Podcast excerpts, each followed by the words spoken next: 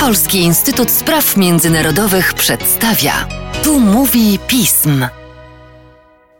Tu mówi pism, ale pism mówi zazwyczaj dwoma lub więcej głosami. Więc witam Państwa nie tylko ja, Łukasz Jasina, ale również mój gość, Marcin Przychodniak, autor wydanego całkiem niedawno Policy Paper, który stara się odpowiedzieć na różne pytania dotyczące Chin, albo jak się mówi w różnych nowomowach, zaadresować chińskie problemy, lub też się im zadedykować. Są tacy ludzie w Polsce, którzy dużo piszą i mówią o Chinach. Ale Marcin wykonał robotę analityczną o tym, jakie perspektywy stoją przed Chińską Republiką Ludową, czy dalszy rozwój kreuje wyzwania, czy też w ogóle nastąpi ten dalszy rozwój. I o tym sobie chcielibyśmy, Marcin, dzisiaj z Tobą porozmawiać. Witam Cię serdecznie. Dzień dobry, dzień dobry. Ja muszę przyznać, że chyba bardziej te pytania starałem się jakoś rzucić w przestrzeń, niż znaleźć na nie odpowiedź. Bo gdybym ją znalazł, to pewnie jakby zakończyło to wiele różnych dylematów i debat, które trwają. Ale spróbujmy, spróbujmy. No właśnie.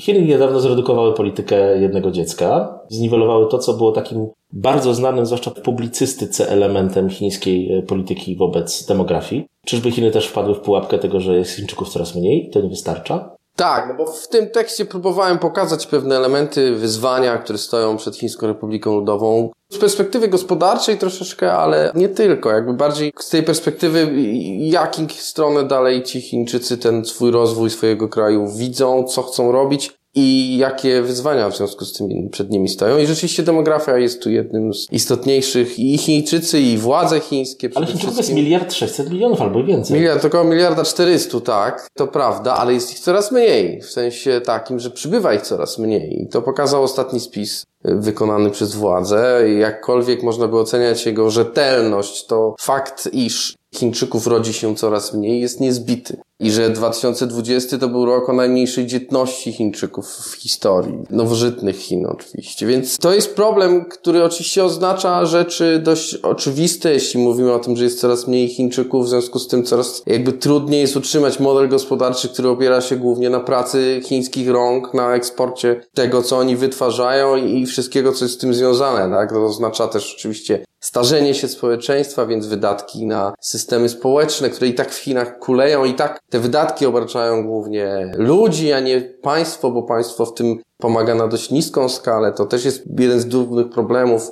jakby systemy społeczne, opieki społecznej, zdrowotny, emerytalny. To jest rzeczywiście jeden z istotniejszych problemów, przed którymi władze stoją i starają się temu jakoś zaradzić w tej chwili. Ale tu rozwiązania są na stole, natomiast ich wprowadzenie w życie wymagałoby jednej rzeczy, o której pewnie powiem trochę więcej za chwilę, natomiast która jest głównym elementem tego, dla którego pytanie o dalszy rozwój Chin jest tak, aktualne w tej chwili. A bardziej jest to pytanie o to, czy Chiny nie znalazły się w tej chwili w momencie, kiedy to, co wcześniej wypracowały, czemu nie możemy zaprzeczyć, ten wzrost gospodarczy, ta pozycja światowa, czy model, dzięki któremu to wypracowały, nie wyczerpał się w tej chwili. Czy system polityczny chiński, w którym funkcjonują władze, nie powoduje, czy, czy może wcześniej już powodował, ale generalnie czy nie doszliśmy teraz do momentu, w którym ten system nie pozwala władzom podjąć decyzji, które mogłyby ten rozwój pchnąć dalej? Jaka byłaby na to odpowiedź? Czy większa liberalizacja tego systemu, czy też wprost przeciwnie? No, to jest na tyle duże państwo, że ja tutaj dokładnej odpowiedzi nie udzielę, ale myślę, że większa swoboda funkcjonowania, większe urynkowienie, większa liberalizacja nie tyle systemu politycznego, chociaż pewnie też w kontekście innowacji na przykład, tak? Modelu edukacyjnego, podejścia do, do swobody myślenia i do swobody e, przekuwania pomysłów e, na potrzeby rynkowe, transmisja pomysłów z góry na dół, tylko z dołu do góry. To pewnie tak, to rzeczywiście tak, bo też pewien, pewne uwolnienie potencjału, który w Chińczykach istnieje, ale który ten system polityczny troszkę hamuje, potencjału klasy średniej. Chińczycy o tym dużo mówią, władze chińskie o tym dużo mówią. Napisały o tym sporo w ostatnich planach gospodarczych 2035 roku, pięcioletnim. Rozmawialiśmy kiedyś o, o nim przy okazji sesji parlamentu. Właśnie, czy naprawdę istnieje w Chinach klasa średnia, czy też jest to pobożne życzenie? Dopiero się kształtuje. Nie, ona istnieje, ona istnieje i statystycznie oczywiście, jako pewna wyodrębniona grupa na podstawie dochodu, jaki osiąga. To jest jakieś 900 milionów ludzi w najszerszych porywach. Ale istnieje też jako pewna grupa konsumentów, z tym, że dochód, jaki oni osiągają i koszty, jakie ponoszą życia, na przykład wychowania dzieci, to też powoduje, że tych dzieci nie chcą mieć, jakby hamuje ich możliwości konsumpcyjne, co oczywiście hamuje rozwój kraju, a na tej konsumpcji władze chińskie chcą budować, bo, bo też troszeczkę po pierwsze to, co powiedzieliśmy, model eksportowy troszkę się wyczerpuje. Po drugie, widzą też to, że świat trochę inaczej reaguje na politykę gospodarczą, zwłaszcza Stany Zjednoczone. I tutaj te przewagi, które wypracowali głównie dzięki temu, że ta globalizacja i ta współpraca ze, ze światem była otwarta, też troszeczkę te drogi się zamykają. Ale no właśnie, żeby to, ta klasę średnią zmotywować, musieliby część dochodu, które tej klasa średnia w tej chwili nie ma, przekazać, zabierając uprzywilejowanej grupie w tej chwili, grupie partyjnej, grupie wojskowej, grupie biznesmenów, że tak powiem, wysokiego szczebla, co oczywiście ze względów politycznych no, nie jest możliwe do końca. Plus takie przemiany zagrażają potencjalnym reformatorom, tym, że żadnych reform jednak nie przeprowadzą i żadnymi przywódcami nie będą.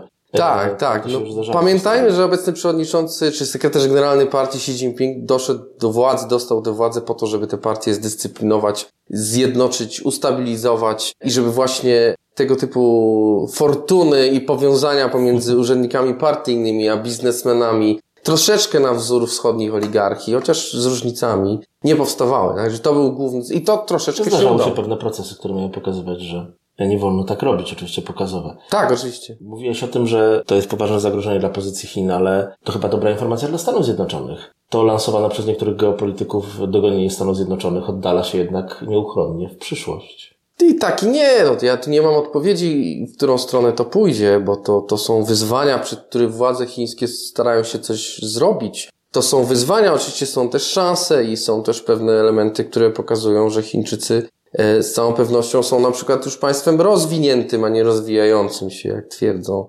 Więc ten, ten element rywalizacji nadal istnieje i to zagrożenie istnieje, zwłaszcza, że tak jak powiedziałem troszeczkę, no, z jednej strony w chińskich planach elementem budowy przewagi modelu jest rynek wewnętrzny, ale z drugiej strony rola zagranicy ma się właśnie sprowadzać do tego, że, po pierwsze ma to być transfer technologii nadal, tak jak to dotychczas się odbywało, zawsze z wykorzystaniem różnych narzędzi, tak? I zwykła kradzież, nazwijmy to, technologii, ale także poprzez współpracę, tak? Wykup firm, naukowców i tak dalej, i tak dalej, współpraca uniwersytetów. To Chińczycy wypracowali tutaj naprawdę wiele dróg i metod ku temu. A druga kwestia, no to jest utrzymanie w Chinach tych łańcuchów produkcji, znaczy firmy zagraniczne, które przyjeżdżają do Chin, mają produkować tam i sprzedawać swoje produkty w Chinach. Chińczykom, którzy są na miejscu. Więc to w optyce chińskiej jest rola zagranicy, a to oczywiście, czy to dla Unii, czy dla Stanów, nie jest optymalnym rozwiązaniem, mówiąc dyplomatycznie. Jak zwykle Marcin Przychodnia pokazał nam, że nie ma łatwych recept na ocenianie Chińskiej Republiki Ludowej. Nie ma łatwych recept, bardzo, to tak, czasami aż prosiłoby się powiedzieć, że będzie tak i tak, a nie nie i nie, ale to chyba jeszcze nie teraz. Marcinie, twój policy paper można odnaleźć na stronie pism. Mam nadzieję. Jaki jest jego tytuł? Jasne. Decoupling po chińsku. Wyzwania dla gospodarki HRL. Zapraszam bardzo serdecznie. Nie wiem wprawdzie, co to jest decoupling, ale, ale, ale Marcin na pewno to w tekście wyjaśnia. Dziękuję Ci bardzo, Marcinie. Do usłyszenia. Do usłyszenia.